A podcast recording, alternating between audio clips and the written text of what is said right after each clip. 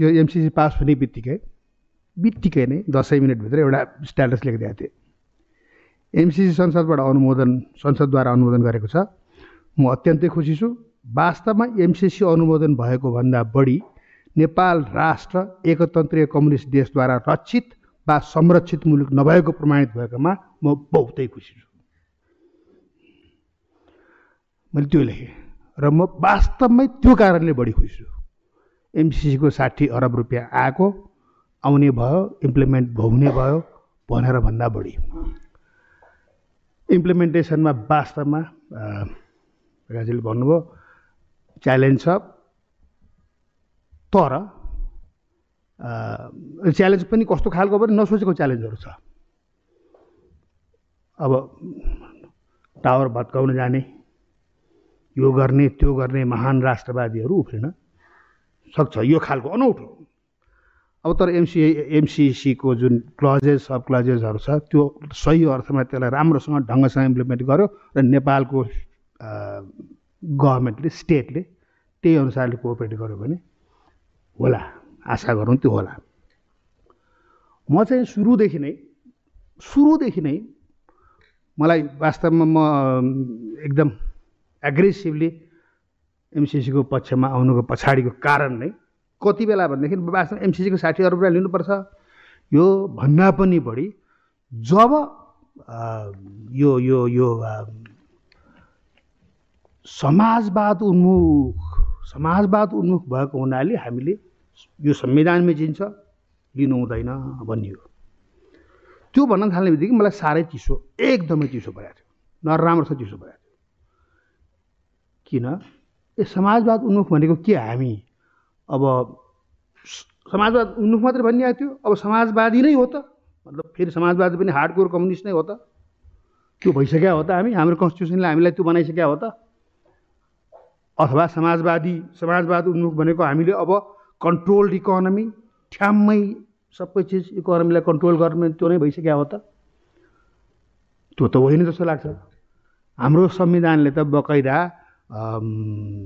प्रतिस्पर्धात्मक बहुदलीय लोकतान्त्रिक शासन प्रणालीमा आधारित समाजवाद भनेको छ क्यारे साथ उन्मुख। उन्मुख। समाजवाद पनि उन्मुख मात्रै। सरले ठिक भन्नुभयो। एकदम उन्मुख मात्रै हो। त्यो समाजवाद डिफाइन गर्न राम्रैसँग बाँकी छ। तर मतलब यो चाहिँ एकदम लङ टर्म प्रब्लम हो यो। किनभने यसरी नेरेटिभ डेभलप गरियो र सायद विश्वासै गरेका छन् तिनीहरूले। बाहिर प्रचार मात्र होइन विश्वासै गरेको छन्। ती त्यो एउटा ठुलो वर्ग र त्यसले त्यसलाई तलसम्म पुर्याएको छ। राम्रैसँग तलसम्म पुर्याएको छ।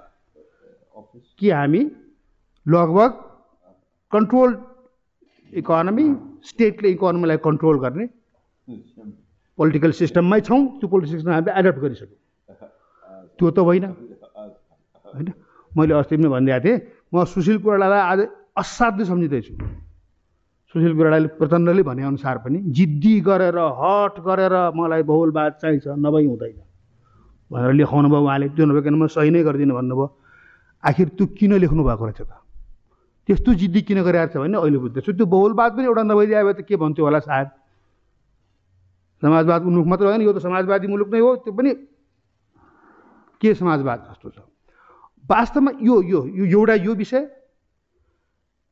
जुन साँचो होइन प्रतिस्पर्धात्मक बहुदलीय लोकतान्त्रिक व्यवस्था अन्तर्गतको समाजवाद समाजवादलाई डिफाइन गरेर समाजवाद उन्मुख भनेको के डिफाइन गर्न बाँकी छ?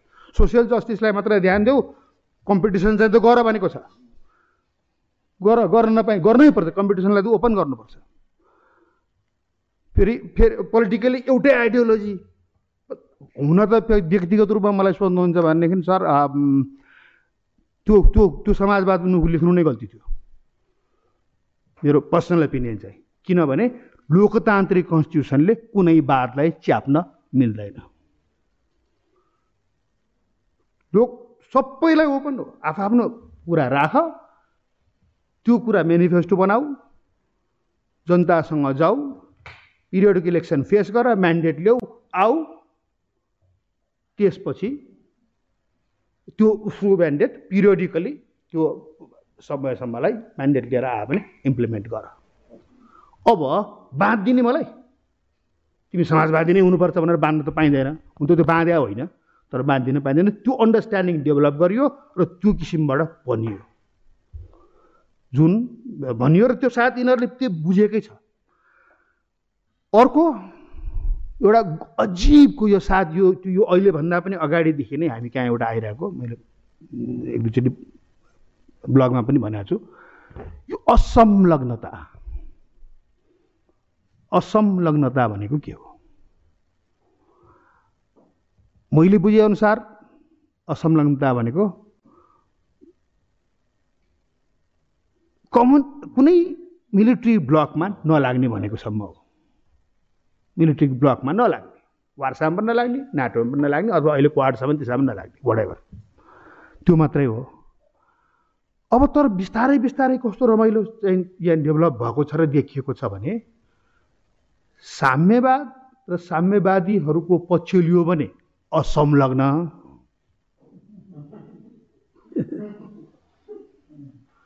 अमेरिका अथवा भारत अथवा डेमोक्रेटिक वर्ल्डको कुरा गऱ्यो भने लौ हामीले असंलग्नता छोड्यौँ।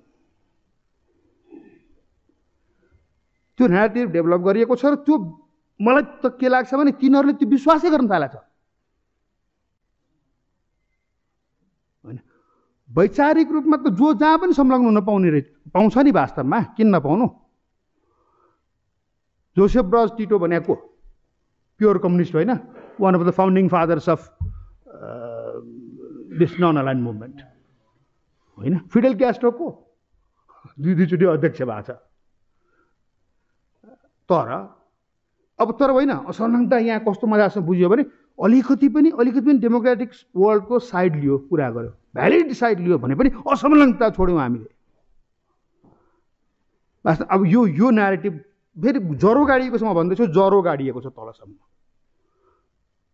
किनभने त्यही बुझाइएको छ र तल एउटा लेभलको मान्छेहरू त्यसलाई राम्रैसँग त्यसलाई नै हो अन्तिम सत्य हो भनेर तिनीहरू हिँडेका छन्। ठुलो पपुलेसन भइसक्यो त्यो। त्यसो भएर मलाई त के लाग्छ भनेदेखि इन्टेलेक्चुअल ओपिनियन बिल्डर्सहरू हामी कति गाउँ थाहा छैन। ओपिनियन बिल्डर्सहरू सबैले यो दुईवटा कुरामा चाहिँ मतलब एउटा राम्रैसँग प्लान प्लान ढङ्गले नै राम्रैसँग ए यो होइन है कुरा यो हो।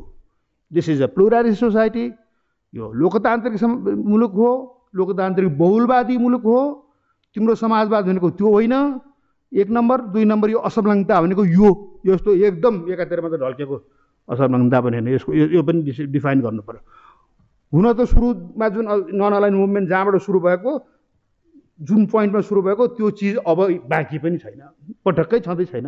तर पनि त्यसलाई त्यसलाई पनि रिडिफाइन गरेर राम्रोसँग भन्नुपर्ने सायद पोजिसन छ। अब जस्तो एक्जाम्पल फर इक्जाम्पल अघि प्रकाशले कसले उठाउनु भयो दुई दुई पर्सेन्ट पण्डितजीले गान्धी पण्डितजीले उठाउनु भयो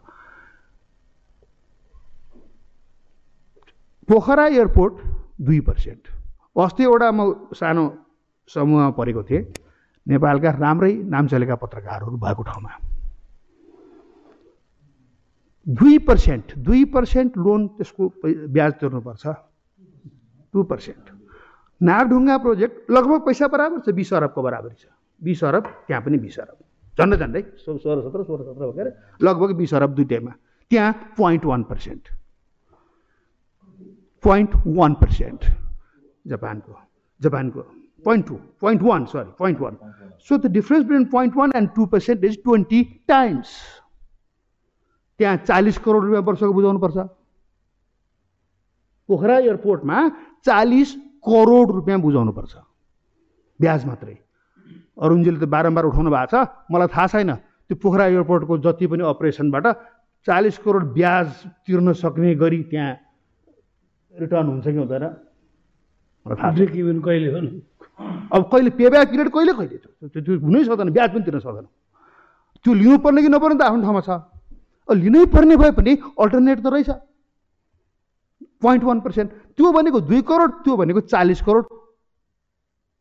बिस गुणा फरक। मैले यो पत्रकारहरू कुरा किन भनेको भने त्यो पत्रकार महानुभावहरू लाई त्यो एक पर्सेन्ट भनेको र पोइन्ट वान पर्सेन्ट भनेको यो त दुई पर्सेन्ट हो अझ एक पर्सेन्ट र पोइन्ट वान पर्सेन्ट भनेको उस्तै उस्तै हो भने जस्तो लाग्दो रहेछ। वर्ग किलोमिटर र किलोमिटर जस्तै? जबसम्म जबसम्म त्यो मान्छेलाई मैले हेर यो बिस अरबमा चालिस करोड हुन्छ त्यो बिस अरबमा दुई करोड हुन्छ हो र त्यस्तो पनि हुन्छ। ए हुन्छ। तर नबोलौँ। भइगयो। यो त धेरै कराउने कुरा त भएन लिइसक्यो। किन लिइस नबोलौँ? चिनको भएर नबोलौँ। चिनको पऱ्यो नि। चिनको कुराको विरोध गऱ्यो भने त फेरि अराष्ट्रिय भइन्छ सायद। होइन? अब जुन एउटा राम्रो काम काम गर्यो एमसिसीको यो डिबेटले मजासँग काम गर्यो। मजैसँग ठुलै काम गर्यो त्यो के भने सायद अब अरू कामहरू पनि बिआरआई बिआरआईको पनि डिक्लासिफाई गर्नु पऱ्यो नि परेन। बिआरआईमा के के छ? दिइसकेका छन् हामीले लोन? थ्याङ्क्स गड डिक्लासिफाई गर्नु पऱ्यो त्यो डिस्कसन हुनु पऱ्यो सबैलाई थाहा हुनु पऱ्यो मैले त सुनेको छु मलाई इन्फर्मली यहाँ आएको अनुसार त बेजिङ ल लागु हुन्छ भन्ने पनि रहेछ त्यहाँ मजैसँग रहेछ। होइन? धेरै कुराहरू छ त्यो किन बाहिरसम्म फर्मली नआएको हुनाले मैले त्यो हो नै भनेर डिक्लेयर गर्न सकिनँ। दावा गर्न सकिनँ। सुने अनुसार त आठ पर्सेन्ट अरे। अब सत्ताइस खरब सत्ताइस खरबको लोन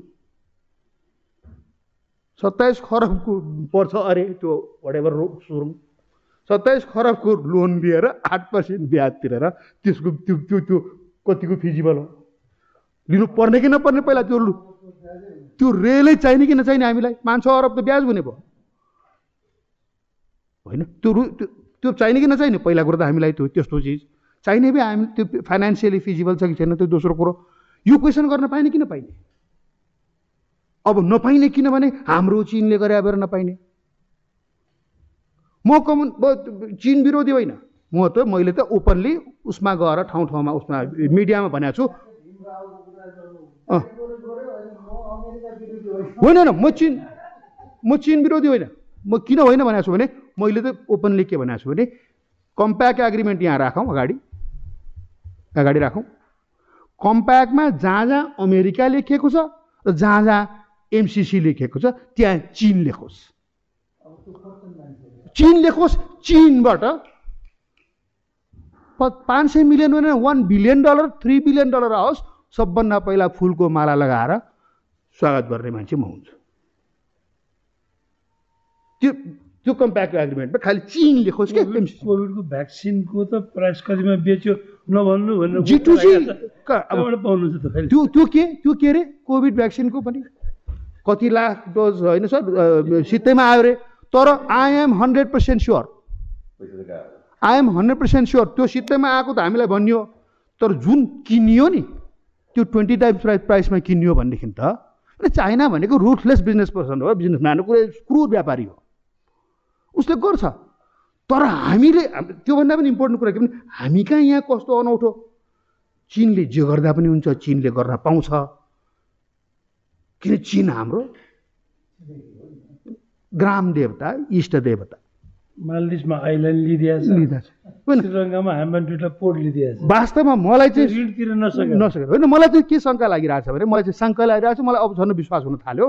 मतलब यो यत्रो एमसिसीको विरोध जुन जुन तर्क लाएर कुतर्क लाएर बेवकुफी गरेर मनपरी भनेर भइ भएको थियो नि त्यो गरेर किनभने सारिदिन पाए त्यसलाई हटाइदिन पाएदेखि अनि नेपाल मैले सुरुमा पनि यहाँ भनेको थिएँ नेपाल एकदम मोनोपोली ल्यान्ड हुन्छ चाइनाको लागि।